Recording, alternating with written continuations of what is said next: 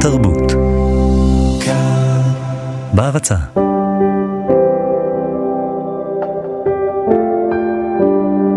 משה הלוי בת 44, אימא לשלושה ילדים שהגדול בהם הוא בן 13 וחצי, היא אישה פורצת גבולות ופורצת מוסכמות. היא נשואה באושר, אבל יש לה גם חבר והיא לא מסתירה אותו.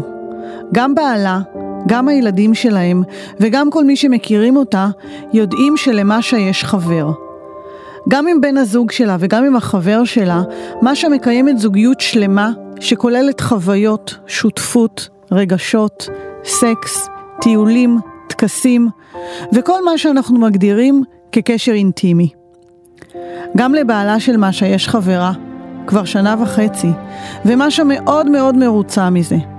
לפני כמה ימים הבת שלה שאלה אותה, תגידי אמא, מה יקרה אם תתאהבי בחבר שלך ותעזבי את אבא? משה הרגיעה אותה ואמרה שזה כבר קרה. כלומר, היא כבר התאהבה בחבר שלה והיא לא עזבה את אבא. כי רק זוגות שלא מאושרים ביחד מתגרשים. ואבא ואני מאושרים. ומה יקרה אם גם אני ארצה לחיות ככה, עם החבר שלי וגם עם בעלי, אבל הוא לא יסכים. שאלה שוב בת ה-11, שכבר היום מוטרדת, מוטרדת מהעתיד וחשה את זרועותיה של המוסרנות הכובלת. מה שהרגיע את ביתה שוב ואמרה שקודם כל היא צריכה לגדול ולהחליט האם היא מונוגמית או פולי-אמורית.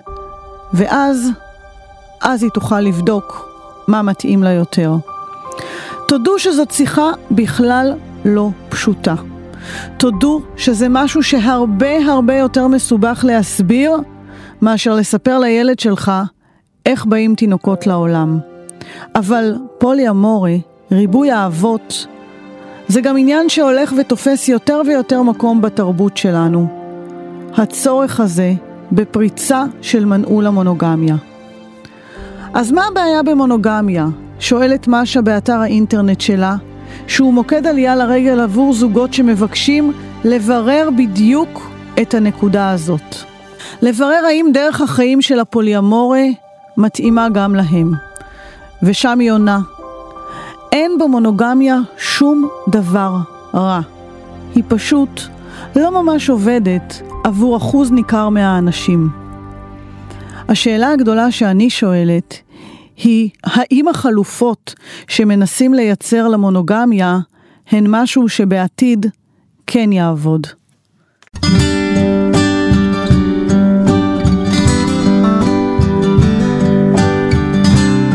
עוד שבוע, כמה מהר עובר הזמן כשנהנים. אני ענת לב אדלר ואנחנו שוב כאן בתוכנית הרדיו כותבת ומוחקת אהבה בכאן תרבות. והפעם האורחת שלי היא משה הלוי, שהגיעה לכאן כדי לספר לנו איך חיים גם עם בעל וגם עם חבר, ולא מתים מקנאה. שלום משה. שלום ענת. שאלה לא פשוטה שאלה אותך הילדה החכמה שלך. נכון. מה את עונה לה? בדיוק מה שעניתי לה, שקודם כל צריכה לברר לעצמה מה נכון לה, ואז היא תבדוק מה, מה מתאים ומה לא מתאים לאדם השני, ואני חושבת שזו דרך פעולה נכונה, בלי קשר לזוגיות. נכון. קודם כל לברר מה אנחנו רוצים, ואז להביט על האדם השני. אז בואי ספרי לנו, איך את ביררת עם עצמך שזה מה שאת רוצה. ובשתי מילים, קודם תסבירי מה זה פולי אמורי. פולי אמוריה זה ריבוי אהבות, הכוונה היא לאנשים שמנהלים יותר ממערכת יחסים אחת. שיש בה אהבה והרבה פעמים גם יש בה מיניות אה, במקביל. אוקיי. זה חלק קטן ממטריה הרבה יותר רחבה של יחסים לא מונוגמיים בהסכמה. שכוללת עוד הרבה מאוד סוגים כמו חילופי זוגות או אנרכיה של מערכות יחסים או אנשים מה שהם... זה אנרכיה של מערכות יחסים? הצלחת לסקרן אותי. אנרכיה של מערכות יחסים היא לא אנרכיה, אבל היא גישה ההיררכית למערכות יחסים. שאומרת, התרבות שלנו מקדשת את היחסים הרומנטיים ושמה אותם מעל לכל היתר. והאנשים האלה אומרים למה בעצם אנחנו עושים את זה? למה מערכת שיש בה התאהבות או מיניות היא יותר חשובה ממערכת של חברות של הרבה מאוד שנים אפלטונית או מהורות משותפת או כל דבר אחר ולמה צריך לשים על זה תוויות והיררכיות? לא רוצים. תראי, אנחנו יודעים שההכרח הוא אבי ההמצאה, ואנחנו יודעים שהצורך הוא שדוחף אותנו אה, לבדוק את הגבולות שלנו ולהרחיב אותן. איפה, ולהרחיב אותם. איפה בעצם אצלך נולד הצורך? תחזירי אותנו לנקודת הזמן שבה את אה, מבינה כן. שאת רוצה לבדוק. ראשית, זה נורא מעניין, כי אחרי שכבר התחלתי לחיות ככה, התחלתי להסתכל אחורה על החיים שלי, וראיתי שמגיל 17 ניהלתי מערכות יחסים כפולות שכולם ידעו. אוקיי. Okay. רק לא היה לי לא שם לזה, וגם היה ברור שזה משהו זמני, שמתי שאני אצטרך לבחור. ובאמת, אה, כל פעם הייתי צריכה לבחור מישהו. מה זה אומר כולם ידעו? היה לך חבר, ואז באת ואמרת לו, תקשיב, אני אה, איתך, אבל אני אה, גם עם איקס. כן. כאילו זה התחיל איכשהו תמיד התנהל לי במקביל, עד שהוכרחתי לבחור. אה, ובגלל שזה לא, לא היה משהו שידעתי שקיים, זה לא היה בראש שלי, זה היה מין כזה עד ש.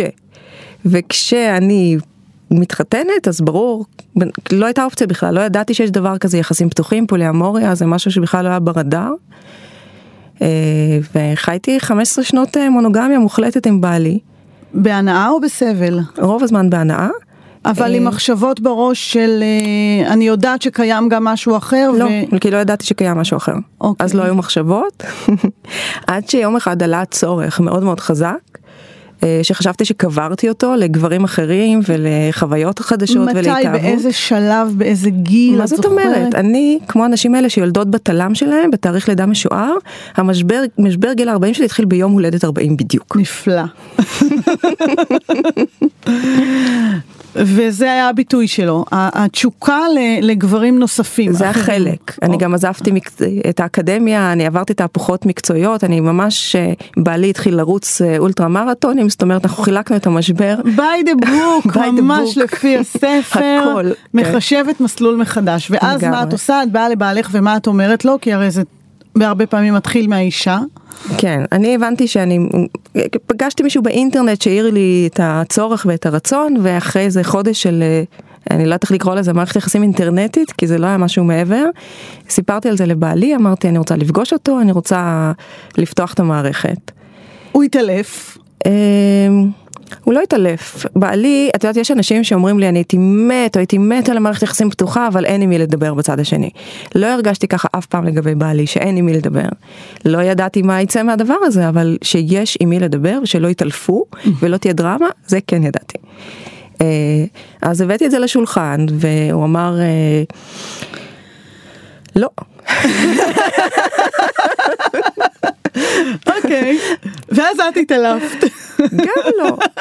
כי הייתה שיחה מאוד טובה, הייתה שיחה מאוד מאוד ארוכה וטובה שבה אה, הרגשתי שכן רואים אותי ואת הצורך שלי, רק שהוא לא, לא חושב שאנחנו מסוגלים לעשות את זה. וזה גם לא היה משהו שידענו מה זה ואיך מנהלים את זה ואני בכלל רק גיליתי שיש דבר כזה כי התחלתי לחפש מה עושים. אבל לא זכרת שבגיל 17 כבר לא. חיית ככה? לא לא כי זה גם לא היה חיים okay. אוקיי. זה לא שחייתי כן, עם מישהו ברור. וזה זאת אומרת יצאתי גם עם זה וגם עם כן. זה את יודעת אז מה זה תקופה כזאת שמילא לא באמת מתחייבים. ובעלך באותה נקודת זמן, זאת הייתה הנקודה שבה הוא התחיל לרוץ את המרתונים? זאת אומרת, לא, לא עברתם את זה ביחד? קודם. אוקיי, ואז הוא אומר לך לא, ומה את עושה? הרי הצורך, אי אפשר להחזיר את השד לבקבוק, הצורך קיים, ויש גם את הבחור ברקע. כן, שאגב בסוף לא היה כלום, הבחור הזה, הוא פשוט היה הוא היה טריגר. כן. אמ, מה שקרה זה שאני קצת כמו אריק אה, שרון. אני בולדוזר, כשאני רוצה משהו אני חופרת. אז חפרתי חודשיים במוח לבעלי, ותקרא את זה ותקרא את זה, ובוא נדבר על זה, ובוא נדבר על זה, ובוא נפגוש זוג כזה. התחלת לחפש חומרים באינטרנט, התחלת לבדוק מה זה, מה זה פוליאמורי, מה זה ריבוי אהבות. כן, אני, היה אז רק דבר אחד באינטרנט בעברית, היה פורום בתפוז של זוגיות פתוחה ואחרת, זה היה כל המידע שהיה לי. אה, היה בלוג של מישהו שכתב בתוך הזה וקראתי אותו בשקיקה כי הוא היה פוליאמורי היו לו שתי אהובות ואני וואו איזה דבר זה. וואו. כן. וזה... זה לא, לא במקרה שזה שם איטלקי אה? אה? לא זה לא איטלקי זה חצי יוונית חצי לטינית בכלל. אה, אוקיי. זה שעטנז לא, לא ברור. אבל...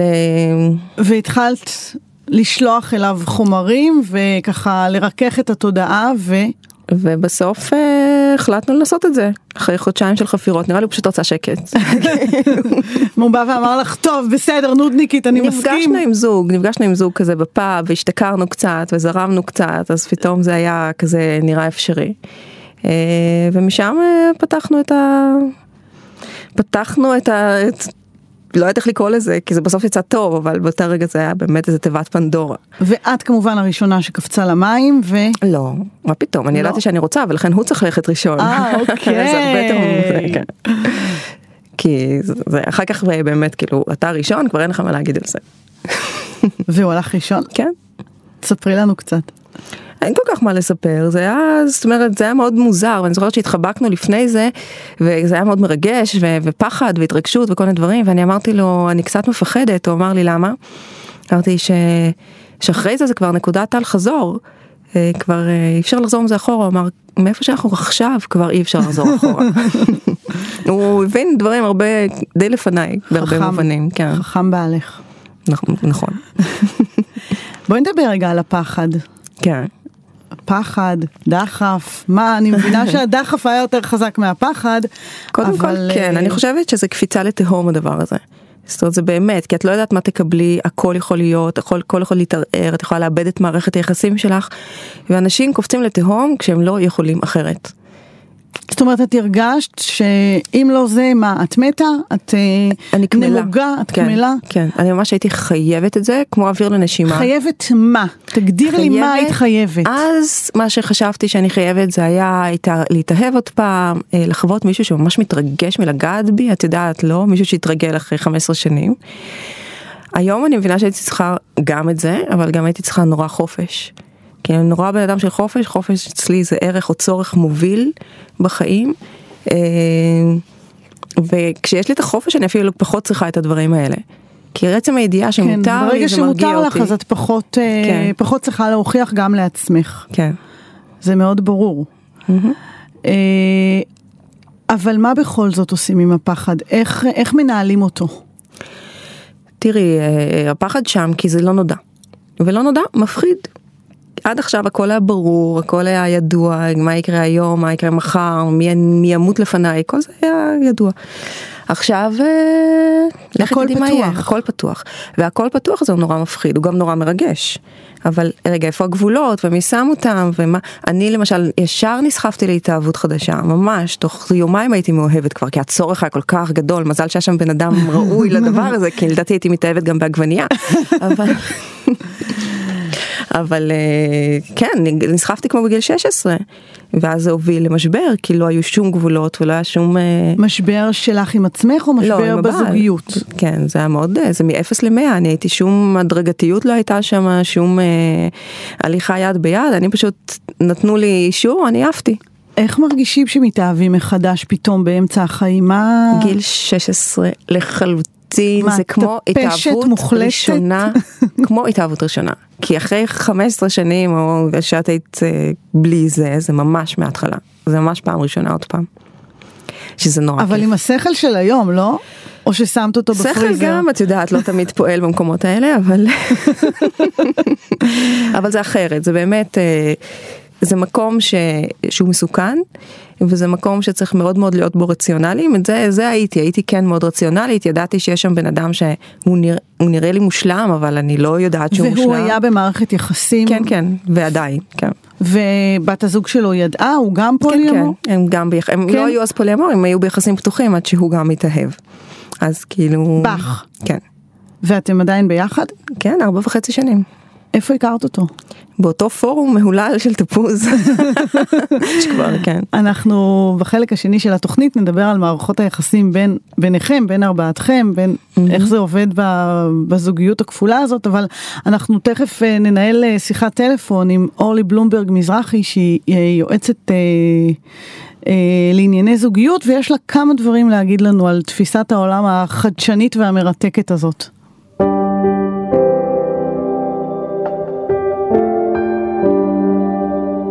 אז מה? אנחנו עדים לגסיסתה של המונוגמיה ולערעור של אחת מתבניות ההתנהלות והחשיבה שלמשך אלפי שנים היו היציבות ביותר בתרבות ובסוציולוגיה האנושית? נדמה כי לאור שיעור הגירושים הנוסקים בעשורים האחרונים, ושבאוכלוסיית המערב עומדים על אחד מתוך שלושה זוגות, אין ספק שהמונוגמיה, שנולדה כסדר חברתי שמאפשר העמדת צאצאים וקיום תא משפחתי לאורך זמן, ניצבת כעת מול שוקת שבורה. וכיוון שבטבע אנחנו יודעים, אין ואקומים, הרי שאל תוך הסדק הזה נכנסות חלופות, חלופות גלויות וסמויות, מיחסים פתוחים בהסכמה בצידו האחד של המתרס, ועד בגידה והסתרה בצידו האחר. התפקיד שלנו הוא למצוא מודל שיתחשב גם בצרכים הנפשיים והביולוגיים שלנו, וגם בצורך שלנו בביטחון ובהתחדשות. השאלה היא רק האם הנורמות יתחלפו ויתאימו את עצמן לצרכים האמיתיים שלנו ולא לאלה שחונכנו לציית להם לאורך אלפי שנים.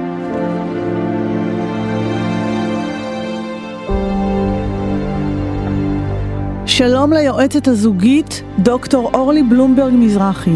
שלום לך ענת. מה שלומך? בסדר גמור הבוקר. יופי, אנחנו פה עם אה, משה הלוי ואנחנו מדברות על אה, ריבוי האבות, שזה משהו שאני חייבת להגיד שמצית את הדמיון, אבל כמו כל אש, גם יכול להיות מסוכן.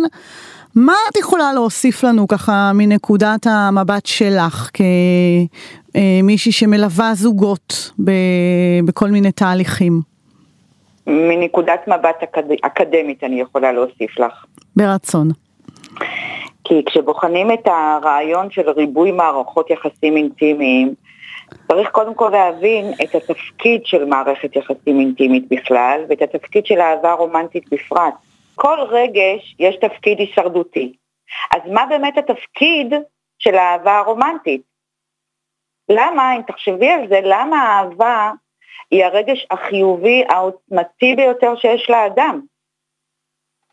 אחרי שבודקים את זה, מבינים את התפקיד, אז אפשר לראות האם הפוליאמורה משרתת את התפקיד הזה.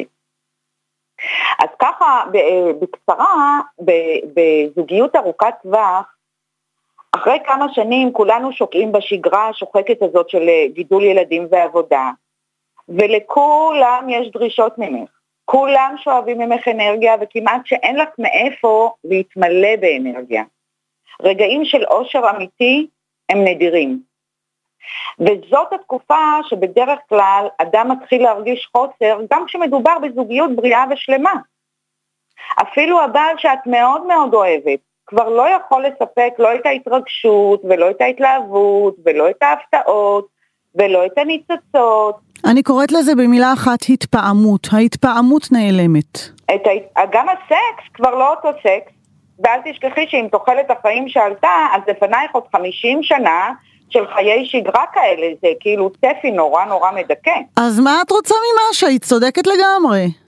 או, אז בדיוק בנקודה הזאת יש אה, שתי אפשרויות. אפשרות אחת היא אכן לחפש פתרונות לתחושת הריקנות והחסך הזה ש, שהוא נהיה גרוע וגרוע יותר ויותר משנה לשנה. הפוליאמורה היא אחד הניסיונות האלה למלא את הריקנות. אני אומרת אחד הניסיונות ולא אחד הפתרונות, כי, כי יש את האפשרות השנייה. באפשרות השנייה היא לעשות את מה שהטבע הועיד אותנו לעשות, ואת מה שאנחנו אמורים ובנויים לעשות. כן, למות בגיל 50, פעם זה היה ככה ולא היו לנו בעיות, אבל היום את יודעת, עם הארכת תוחלת החיים, צריך למצוא פתרונות. אז, אז הטבע חכם יותר, okay. חכם אוקיי. יותר מהדבר הזה. תסתכלי, נכון שיש עכשיו, לא עכשיו, זה כבר מאה שנה, הדחף הזה למימוש עצמי, נכון. הרי לפני, לפני 200, 300, 400 שנה לא, לא היה את המושג הזה. הדחף הזה הוא לא סתם בנוי בנו ומשותף לכולם. עכשיו תראי למה הוא קיים. הקיום שלנו מותנה לא רק בהבאת ילדים לעולם, אלא גם ביכולת של האנושות להתפתח, כי אם לא נתפתח, מגפה אחת עלולה לדלל את האוכלוסייה, בצורת קשה אחת עלולה לדלל את האוכלוסייה וכולי וכולי.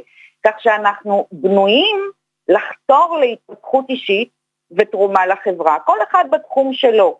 והאהבה רומנטית נולדה ובנויה בדיוק לתפקיד הקריטי והקשה הזה. כדי לתת לנו קרקע לי... בטוחה? סליחה? כדי לתת לנו קרקע בטוחה להצליח ולממש את עצמנו? אני, אני אמחיש את זה, אם את תסכימי לי, אני אמחיש את זה דרכך, דרך דוגמה ממך. אוקיי. Okay. אז תראי, את בתוך השגרה שלך, אני, אני אה, זה די, זה די מהדמיון על סמך העובדות ש, שאני מכירה אצלך.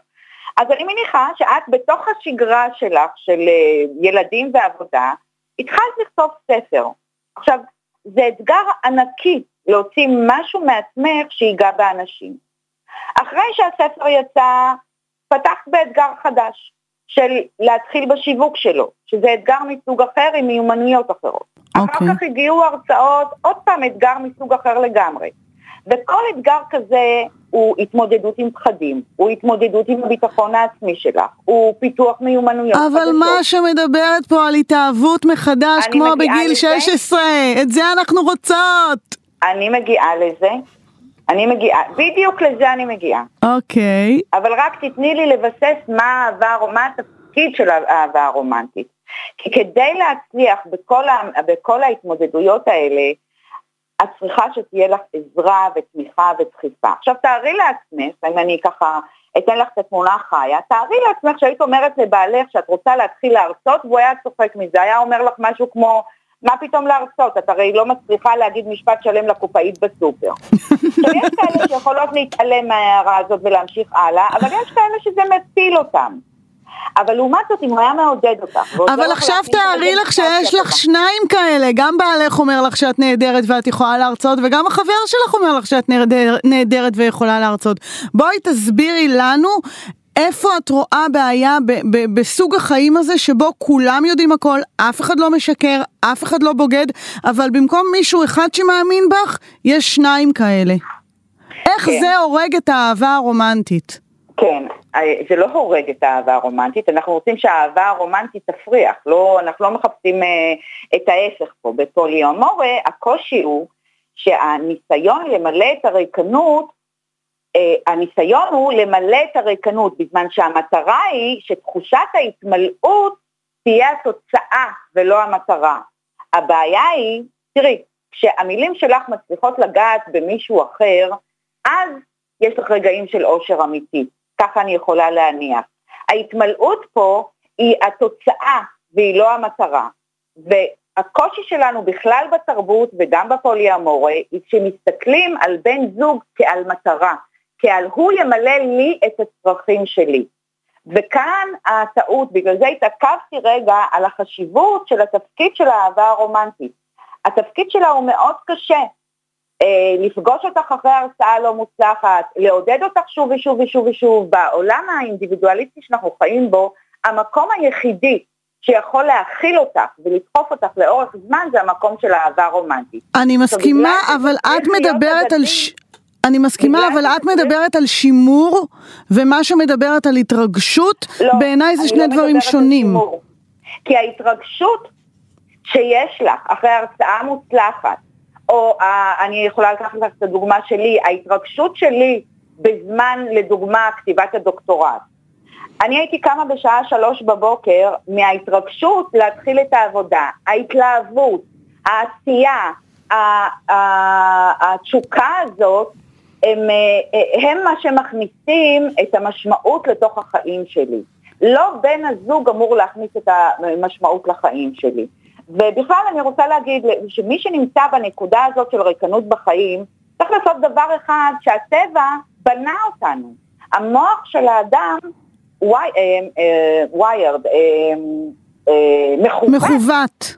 מכוות אה, לעניין הזה. והוא צריך לעשות בו דבר אחד ש, שיש בו שלושה קריטריונים. הוא צריך, אותו בן אדם שנמצא בנקודה הזאת של ריקנות בחיים, הוא צריך למצוא אתגר שקשור לתחום שהוא חזק בו, ושיש בו תרומה לאחר או לחברה. ואז בקבלה קוראים לזה ייעוד. ואז הטבע מתגמל אותנו בהתרגשות שמאשה מדברת עליו, בניצוצות, בהתלהבות, בתשוקה לחיים ולעשייה, באושר אמיתי וסיפוק עמוק. אוקיי, זה הטבע מתגמל אותנו. אבל שימי לב שההתמלאות כאן היא התוצאה. היא עצמית, כן. והיא לא המטרה. ברור. ובפוליאמורה הת- ההתמלאות היא המטרה. הבנו. זה דבר אחד. ודבר שני, הפוליאמורה פוגעת בצורך הבסיסי שלנו לביטחון. הצורך בביטחון וביציבות בסיסי יותר וחזק יותר מהצורך שלנו בחידוש. אז, אה, אה, והצורך בביטחון הוא הראש, הראשון שנפגע בנישואים פתוחים או בפוליאמור. אנחנו מיד נשאל את משה לגבי הנקודה הזאת, ותודה רבה, תודה רבה לך אורלי, אנחנו חייבות להמשיך. תודה. אוקיי, בשמחה, ביי ביי. ביי. אנחנו בכותבת ומוחקת אהבה, בכאן תרבות, האורחת שלי היא מאשה הלוי, הנושא הוא ריבוי אהבות. שמענו את דעת האקדמיה המלומדת ו... אני חולקת עליה, חלקית, לא על הכל. אני מסכימה שמשמעות הדבר מאוד מאוד חשוב בחיים, אבל ההנחה שמי שחי בפוליאמוריה יוצא מתוך ריקנות, היא קודם כל הנחה מופרכת בעיניי. כמובן יש אנשים כאלה, אז זה לא... אבל מי שחי ככה בטוב, לא יוצא מתוך ריקנות. יש גם המון הנחות, אה, וזה לא אומר שאין לי משמעות נוספת בחיים, וכל משמעות שלי מגיעה מבני הזוג שלי. לא, אין שום קשר.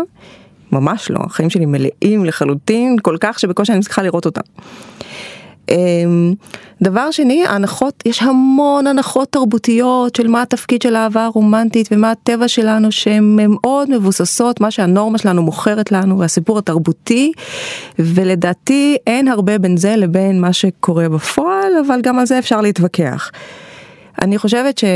Uh, התפקיד של האהבה הרומנטית הוא לא בהכרח uh, לתמוך בזו, בשביל זה בנו, בשביל זה יש קהילה, בשביל זה יש חברים. כמובן כשיש בן זוג נפלא שהוא תומך, כשיש שניים עוד יותר, כשיש שלושה בכלל חבל על הזמן. אבל uh, התפקיד של האהבה הרומנטית, uh, גם עליו אפשר להתווכח, האם זה לעשות ילדים, והאם זה לגוון את הגנים שלנו. ולכן האם בכלל אנחנו אמורים להיות מונוגמים בטבע שלנו והתשובה היא כמובן שלא. שלא. לא מונוגמים לאורך 50, 60, 70 שנה, כן? אולי מונוגמים סדרתיים זאת אופציה, זה יכול להיות, אנחנו לא יודעים בדיוק מה הטבע שלנו, נורא קשה לדעת. ברור מאוד שהוא לא מונוגמי לטווח ארוך, והסיפור שאורלי מספרת הוא סיפור תרבותי של תרבות המערב של היום. לגבי הנושא של הביטחון, זה הוויכוח הגדול שלי עם התרבות שלנו, ממש גדול, ולא רק בזוגיות, וזוגיות זה בא לידי ביטוי הכי חזק אני חושבת, או מאוד חזק. סיפור האו-או הזה, במה אני בוחרת, בביטחון או בחופש?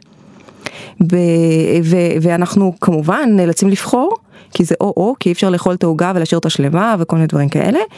וכשאנחנו נאלצים לבחור, אנחנו נאלצים לבחור בביטחון, כי זה הישרדותי, כי בלי זה אנחנו מתים. ופה אני מסכימה איתה קצת שביטחון איפשהו כאילו יותר חזק מחופש.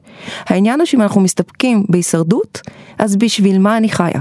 אז אין גם את ההתפתחות בשביל, שמדברים בדיוק, עליה. התפתחות זה במשולש החופש. בדיוק, זה בתוך ההגשמה עצמית, זה בתוך ה... להביא את עצמי במלואי לעולם, זה, אה, זה להיות אותנטית, זה, זה, זה להיות מי שאני, זה התפתחות. אה, וזה בחופש. אז אנחנו זקוקים לגם וגם לחלוטין. ובינינו לא להגיד לי לכתבי ספר זה כמו סקס מדהים, לא השתכנעתי, לא השתכנעתי, אני כותבת ספר ויש לי סקס מדהים, לא השתכנעתי. טוב, אני פה, אה, את יודעת, אה, אני מרגישה כמו אורלי, היו לילות שבאמת התעוררתי בשלוש בבוקר ורצתי למחשב, כאילו מחכה לי שם מאהב, באמת, כי הדמויות קראו לי והעלילה קראה לי. אבל אנחנו רוצות להמשיך כי יש לי עוד המון שאלות אלייך. בבקשה. למשל, אמרת שיש פער בין מה שמתארים לבין איך שזה עובד בפועל, אז בואי טיפה ניכנס ותסבירי לי mm-hmm. איך זה עובד בפועל, איך באמת מקיימים חיים כשיש לך גם בעל וגם חבר וגם לבעלך יש אותך וכבר שנה וחצי, נכון? כן. יש חברה שכמובן את מכירה ויודעת מי זאת? אני יודעת מי זאת, אני לא מכירה אותה. אז איך זה עובד? תראי, קודם כל צריך להבין שיש המון סוגים. אין רק דרך אחת נכונה, נגמר, נגמר. ברגע שהמונופול של המונוגמיה מתפרק, והוא מתפרק, אנחנו עדים לכל כך הרבה אפשרויות, ויש אנשים שחיים כולם יחד ומגדלים יחד את הילדים. עזבי אנשים, דברי איתי עלייך. אני נמצאת במערכת היררכית, אוקיי? שזה כבר לא אנרכיה של מערכות יחסים שדיברנו קודם. זה אומר שיש לי בן זוג ראשי. שזה אה, בעלך. זה בעלי, ויש לי בן זוג נוסף, שאני, אגב, יש כרגע עוד מישהו. אז כאילו, יש לך שלושה? פתחנו, כן. לא, אלוהים. את צריכה את חמדה שהייתה פה ועוזרת לאנשים לנהל זמן. אני בסדר, אני מסתדרת. בלי חמדה. אמ, אז אני, אני בדרך כלל פוגשת את החבר שלי פעם, פעמיים בשבוע. לפחות פעם אחת אני ובעלי יוצאים לבד, זה הרבה כסף לבייביסיטר. אוקיי.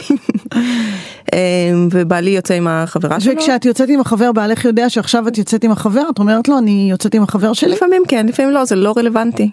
באמת בשלב שבו אנחנו נמצאים זה כבר ממש לא משנה לי אם הוא יוצא עם חברים שלו, יוצא עם חברה שלו. אם הוא רוצה לחלוק משהו אז בוודאי בשמחה, אבל אין לי צורך לדעת. ואת לא יושבת בבית וחושבת עכשיו הוא מחבק אותה, עכשיו הוא מנשק אותה, עכשיו לא. הוא שוכב איתה, עכשיו הוא מספר לה על הקשיים שהיו לו בעבודה. איך אפשר להכיל את הדבר הזה? קודם כל, יש אנשים שהם לא אני אגב, כן? אבל יש אנשים שהם לא מקנאים. וזה בא להם טבעי. את מקנאה? היום לא, אבל בהתחלה בטח. וזה תהליך. הסיפור הזה של אה, להגיע למקום באמת לא מקנא שאני נמצאת בו היום, זה היה חתיכת תהליך. זה התחיל כמו כל בן אדם רגיל עם סכינים בלב מלובנות כאלה שמסתובבות שם עד שלמדתי איך עובדים עם הדבר הזה וזה זה פשוט מדהים כי בסופו של תהליך מגיעים למקום מאוד גבוה של ביטחון עצמי וערך עצמי אפרופו ביטחון הביטחון גם הוא לא צריך להגיע מבן הזוג הוא צריך להגיע ממני. ביטחון ביחסים עם, ה, עם בן הזוג הראשי כמו שקראת לו. קודם okay. כל ביטחון בי שלא משנה מה יקרה אני אהיה בסדר. גם אני אשאר לבד, גם כולם יעזבו אותי, גם כולם ימותו לי מחר בתאונת דרכים, אני אהיה בסדר. גם כלכלית, גם שאני אמצא עוד בני זוג, וגם אם לא, אני אהיה בסדר. אז הביטחון האמיתי מגיע ממני ולא מבן הזוג. שנית, הביטחון, כן, בזוגיות שלי. בזוגיות בשתי, שלך עם, עם בעלך. וגם עם החבר שלי. מה את חושבת שבחבר לא מקנאים? אנחנו במערכת פתוחה גם שם. הכל פתוח. וואו, זה לונה פארק. זה לונה פארק, אבל זה לונה פארק זה כיף, זה יש פחד, אבל הפחד הוא כיפי. בואי נדבר רגע על היחסים עם בעלך, שם הזוגיות היא, אה, אני, אני אשתמש במילה בריאה כי אין לי כרגע מילה אחרת, הזוגיות היא בריאה, זאת אומרת אה, שותפות, אה, חיי מין, את, את נהנית כשאת איתו, הוא מרגש אותך, את נהנית לגעת בו. יש לנו זוגיות מאוד מאוד טובה לדעתי, היא לא מושלמת, אני גם לא כל כך מאמינה בזוגיות מושלמות, זאת אומרת בטח איפשהו יש, אבל היא לא מושלמת, יש לה את הפאקים שלה, אבל היא מאוד חזקה. היא מאוד אוהבת, היא מאוד מפרגנת מאז ומעולם, זאת אומרת אנחנו רשת תמיכה אחד של השני all the way. אה, אנחנו מאוד מתואמים בגידול הילדים, כיף לנו ביחד, אנחנו מבלים... והסקס? למה אתה צריך לדבר על. המקומות האינטימיים שלי שם? כי זה לא שלי, אני לא רוצה לדבר אוקיי. על סקס, אני יכולה לדבר על סקס שלי, אבל ברגע שאני מדברת על סקס שלי עם בעלי, ספציפית, או סקס שלי עם חבר ספציפית, אני מכניסה לפה אנשים שלא חתמו על ה... מכבדת. חוסר פרטיות הזה. מכבדת. תגידי, דיברת על הקנאה שאת חשה כלפי החבר. בוא'נה, זה, זה, זה המון רגשות להתמודד איתם. מה, איך את מנהלת שוב, את הרגשות האלה? אין. היום הכל בסדר, עשיתי תהליך. תהליך מדהים, שאני גם עושה אותו עם אנשים שבאים אליי לטיפול, כשבאים אה, לבקש אה, עזרה בקנאה. נדבר על, על התפקיד שלך כמי שבעצם מפיצה mm-hmm. את הבשורה של ריבוי האבות בארץ. כן. אה, ומסייעת בעצם לזוגות שנמצאים בשלב הגישושים והתהייה האם זה מתאים להם. אוקיי, מי בא אלייך? מה, מה את אומרת להם? כן, קודם כל חשוב לי להגיד שאני מפיצה את האפשרות, את אפשרות הבחירה. ופעם כתבתי את זה ואני חותמת על זה ועומדת מאחורי זה. אני כתבתי? אני, אני, אני. אה. שאם אה, העולם היה, הנורמה הייתה רק פוליאמוריה, הייתי נלחמת על זכות האנשים לחיות במונוגמיה. אוקיי. כי אני חושבת שמה שחסר לאנשים באמת זה את זכות הבחירה, אין להם זכות בחירה היום. יש להם רק דרך אחת, הם מוסללים אליה, מנותבים אליה, החברה היא מייצרת מכבש מיסיונרי מאוד מאוד חזק, כמו שראינו אגב במה שאורלי דיברה עליו, כי זה כאילו ברור מאליו שאנשים מונוגמים, זה הדבר הנכון לעשות, זה האפשרות היחידה האמיתית, כי ישר זה ריקנות וזה וזה וזה, או, או בעיה שצריך לטפל בה. ואני, זה לא נכון, אנחנו אנשים שונים, לכל אחד מתאים משהו אחר, ואנשים צריכים לדעת שהם יכולים לבחור באמת, בלי שיהיה על זה סנקציות חברתיות. בגלל זה אני פועלת בכיוון הזה. מאוד מאוד חשוב לי. הלאה, אנשים מקשיבים להרצאות שלי, מקשיבים לזה, נפתח ביניהם איזשהו פתח למשהו שאולי יעזור ואולי יהרוס. אין פה... פוליאמוריה זה לא תשובה מוחצת, זה לא הפתרון למונוגמיה, זה דרך חיים שמתאימה לחלק מהאנשים ולחלק מהאנשים לא. ואת חושבת שיגיע שלב בחיים הזוגיים שלך שזה פתאום כבר לא יתאים? אני לא פוסלת את האופציה הזאת, אני לא בתפקיד. זה שאני מפיצה את זכות הבחירה לאנשים, וכרגע זכות הבחירה באה לידי ביטוי שאני מדברת על יחסים פתוחים למיניהם, זה לא אומר שאני חייבת לחיות ככה. זה גם לא אומר שאסור לי להתגרש מבעלי במידה ומשהו ייגמר לנו, זאת אומרת אני פה לא בתפקיד, אני חי את החיים שלי. ואם יום אחד יתאים לי ככה, אז יתאים לי ככה, ואם לא יתאים לי אחרת, אז יתאים לי אחרת. אבל איפה את התא הזה, התא המקודש הזה שנקרא משפחה, הילדים, המבנה ההיררכי כמו שתיארת אותו, את יותר חשובה מהאנשים המשמעותיים בחייך? אני חושבת שהלוואי וכולם היו מבינים את מה שמראים לנו במטוסים. בסדר? במטוס מראים לך שכשנופלת, אה, כש, כשיש ירידה ברמת החמצן, נופלת מסכה. ואת בתור אימא צריכה לשים את המסכה קודם כל עלייך, ורק אחר כך על הילד שלך. ואני חושבת שהתרבות שלנו היא תרבות שבה אנחנו פועלים משני קצוות. קצה אחד זה קצה של ריצוי, כן? אני מבטלת את עצמי, בשם קדושת המשפחה, בשם החברה, בשם לא יודעת מה, זה נגמר לא טוב, אוקיי? והשני זה אני לא רואה אף אחד ממטר. ואני אומרת בוא קודם כל אני מסתכלת על עצמי, כמו שאמרתי, מה אני רוצה, מה טוב לי, ואז אני מסתכלת על הבן אדם השני או השלישי או כמה שאנשים שיש שם, ולכולנו הצרכים שלנו שווים בחשיבות שלהם. כל בן אדם שהוא פורץ דרך, שהוא mm-hmm. משנה משהו בסדר המאוד מאוד בסיסי של העולם, זה לא קל, זה לא פשוט, זה לא להעביר סכין בחמאה. בואי, יש כן. קשיים. כן, אני רוצה בוודאי. לשמוע ממך על הקשיים. תשמעי, קודם כל זה מאוד ממלא אותי, אפרופו משמעות. בסדר? אני מרגישה שאני עושה משהו חשוב. את עוד פעם הולכת לחיובי, אני רוצה שתדברי איתנו על הקושי. השלילי זה, מה הקושי? הקושי זה באמת איזה שהן ציפיות של החברה ממני. את יודעת, נניח בהתחלה הייתי הולכת לגן של הילדה, אני ממש גרועה בלסרק אני גרועה בזה, כאילו אני מסרקת שעה והקוקו נראה כאילו הילדה ישנה עם זה 24 שעות.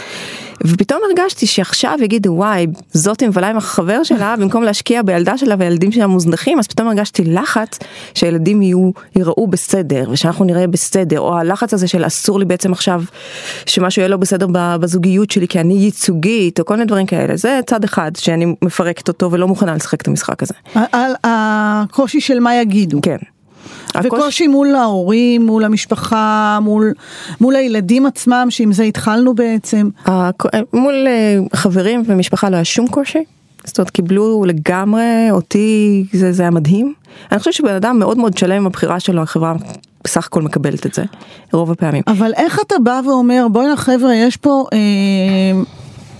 עניין תרבותי של אה, אלפי שנים, אני הולכת עכשיו לפרק את הבניין הזה. איך אתה, איך אתה עומד בזה? זה, זה קשה.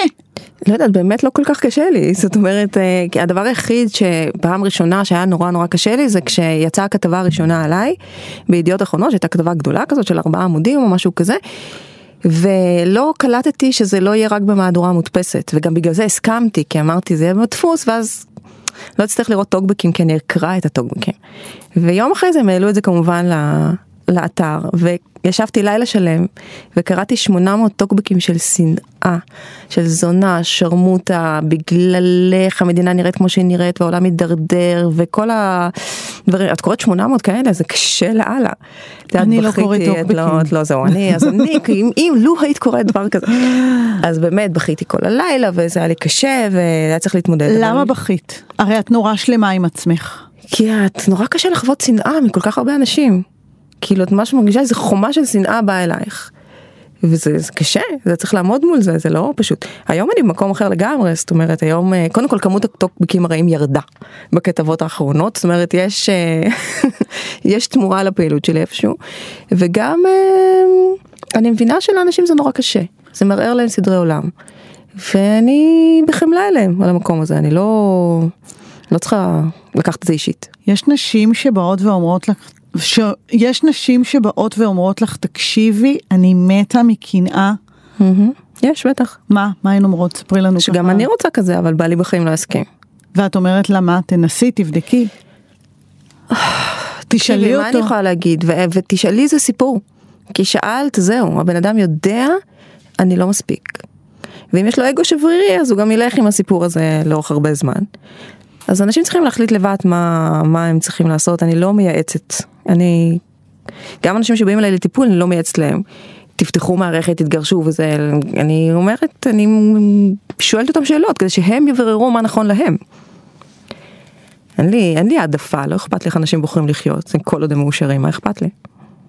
משה, mm-hmm. תודה רבה, שפתחת לנו את הראש ואת האופציות. ואני אמשיך לעקוב אחרייך כדי לראות איך זה מתפתח. אחלה. תודה רבה.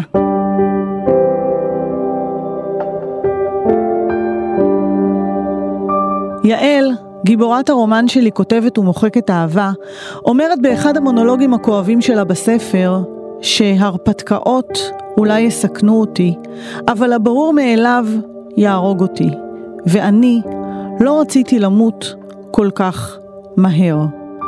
ואכן, מות התשוקה בתוך המערכת הזוגית זה בדיוק העניין ששולח אותנו לצאת מתוך עצמנו ולהגיד, עכשיו אני, עכשיו תורי.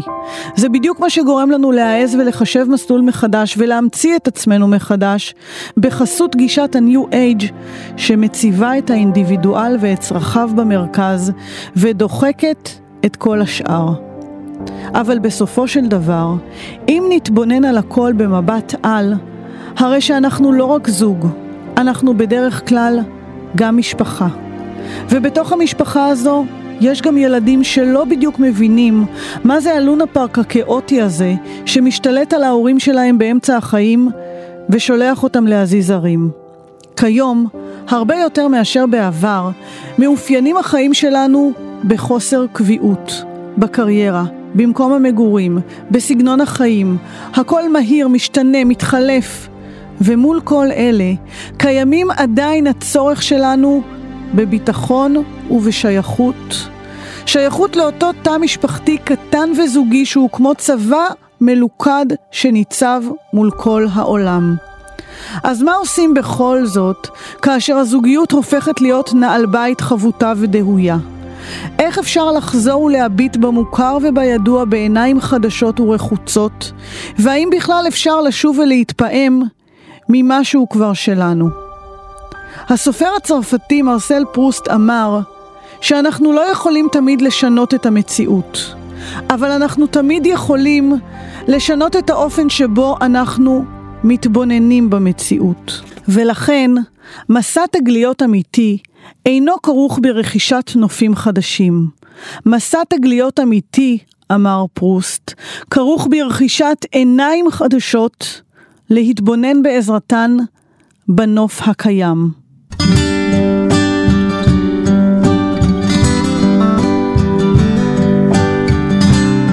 תודה רבה לכן שהאזנתם לנו בכאן תרבות לעוד תוכנית של כותבת ומוחקת אהבה. אני ענת לב אדלר. תודה לאורחת שלי, משה הלוי, על שיחה מרתקת ופורצת גבולות. תודה ליועצת הזוגית דוקטור אורלי בלומברג מזרחי. תודה לעורך שלי ניר גורלי, לטכנאי השידור שלנו אסף רפופורט, ואם תרצו להאזין לתוכנית הזאת שוב או לתוכניות קודמות, היכנסו לכתובת כאן.org.il. נסיים עם קטע מתוך שיר קדם שנתי של יונה וולך. רומזים לנו שיש סקס אחר. טוב שמישהו יודע על זה. אם יש סקס אחר, הביאוהו לכאן ונדבר גלויות, יש או אין. שכבר אנחנו עייפים מאוד מנשינו הפתולות, וכל הזמן מראים לנו בתמונות. יש משהו אחר, אנחנו מרגישים שזה לא סתם.